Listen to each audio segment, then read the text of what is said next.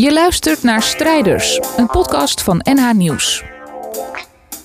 Ambitieuze en inspirerende Noord-Hollanders vertellen hun verhaal.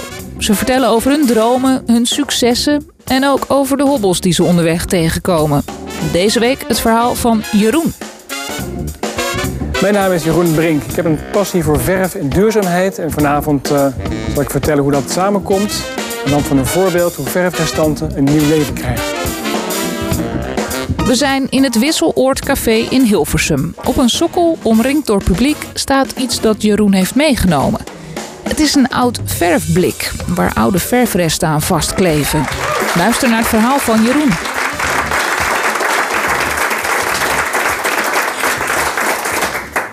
Ik heb vanmorgen in mijn schuur gekeken en ik heb dit uh, blik gevonden. Een blik met uh, nog wat verf erin.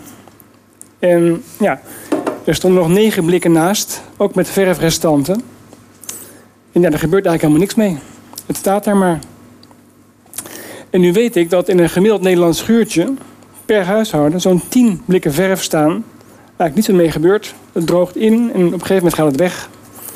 En als het weggaat, dan gaat het naar de Milieustraat. En van daaruit gaat het naar de verbrandingsoven. Moet dat zo zijn? Ik heb iets met verf. Ik werk bij Axel Nobel, verffabrikant. En ik weet dat het ook anders kan. Als we bijvoorbeeld kijken naar Engeland, dan heb je sinds 1992 een schema waar 80 plaatsen in Engeland verfrestanten worden verzameld, worden uh, behandeld door mensen met een afstand tot de arbeidsmarkt. Die voegen de verf samen en die maken het weer gereed voor verkoop, voor donaties aan goede doelen. En er gebeuren prachtige dingen. Er wordt bijna een miljoen liter verf per jaar gered al hergebruikt. En um, ja, de mensen die daar meewerken, die zijn, worden er echt blij van. Er zijn mooie voorbeelden die ik heb gezien. In Liverpool bijvoorbeeld. Je hebt een klein atelier waar dan de verf wordt samengevoegd. En ja, een jongen die daar werkt, die is autistisch en die werkte dan daar. En na een maand of acht zei hij van... ik wil die verf ook verkopen aan de voorkant van de winkel. En de ouders ook zeiden van... ja, jeetje, wat hebben jullie met hem gedaan, wat prachtig. En dan zie je dat met ja, afval eigenlijk mooie dingen kunnen gebeuren natuurlijk dat er maakplaatsen ontstaan waar de verf dan, um, ja, waar dat wordt opgewerkt als een soort repaircafé, maar dat dan ook mensen met kleuren en dergelijke aan de gang gaan. Met verf die normaal gesproken uh, zou zijn verbrand. En ook in Noord-Amerika en Canada, Verenigde Staten, wordt het grootste deel van de verf ja, hergebruikt. Australië, 95% van de verf. In Nederland, daar gebeurt nog heel weinig. En daar dachten wij van ja, dan kunnen we toch kijken of we daar met elkaar iets, iets kunnen doen om te zien of dat beter kan. Nu heeft een groot uh, ja, een groep van partijen met elkaar gekeken van ja, wat kunnen we beginnen? En dat moet je echt op stedelijk niveau dan doen. Dus in Den Bosch, Rotterdam, Den Haag, Utrecht, Amsterdam zijn we begonnen om te kijken, kunnen we niet uh, ja, die verf die bij de Milieustraat komt een tweede leven geven. Dus de verfindustrie samen met de mensen van de Milieustraat en de gemeente hebben gekeken van ja, hoe kun je nou herkennen welke verf goed is. Dus die hebben dan gratis trainingen gekregen. Om bijvoorbeeld als verf bevroren is geweest, dan kun je het niet meer gebruiken. Dan moet je wel weten hoe dat dan te herkennen is. Dus de mensen van de Milieustraat zijn heel vlijtig aan de slag gegaan. Hebben dan verf apart gezet voor, uh, voor hergebruik. De goede doelen die kwamen toen om de hoek. Die zeiden ja, wij kunnen wel een uh, frisse start gebruiken met, met verf. Dus die verf kwam dan bij goede doelen terecht. Kringloopwinkels hebben die verf uh, aangeboden, bieden het nog steeds aan voor een hele kleine prijs. Zo komt de verf terecht bij plekken, mensen die dat normaal gesproken misschien niet uh, konden veroorloven of uh, ja, gewoon niet aan toe kwamen.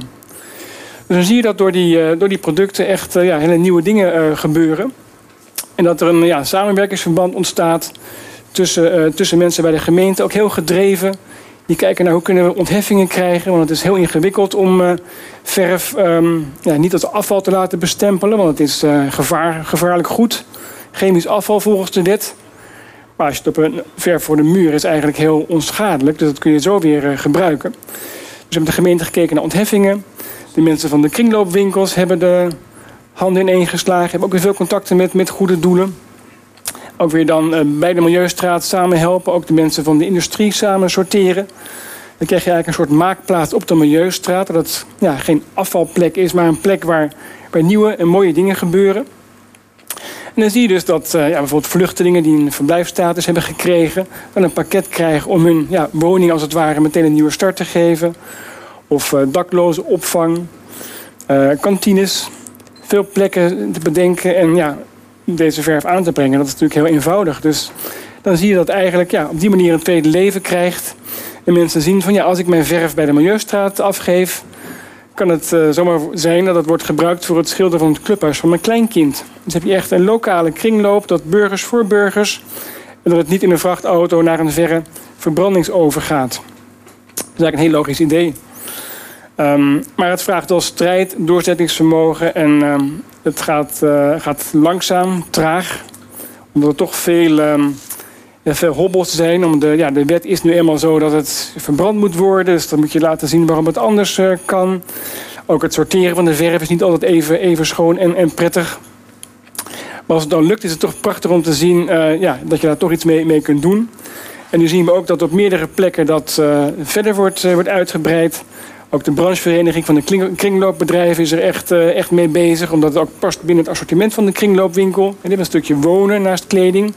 En daar kun je natuurlijk ook verf goed, goed bij gebruiken. In België hebben we het ook gedaan. Daar zijn ze nu ook al bezig om echt ja, kleine productieinstallaties op te bouwen. Om de verf echt op grotere schaal te mengen. Daar zie je ook een groep van mensen die samenwerken, die normaal nooit met elkaar zouden samenwerken.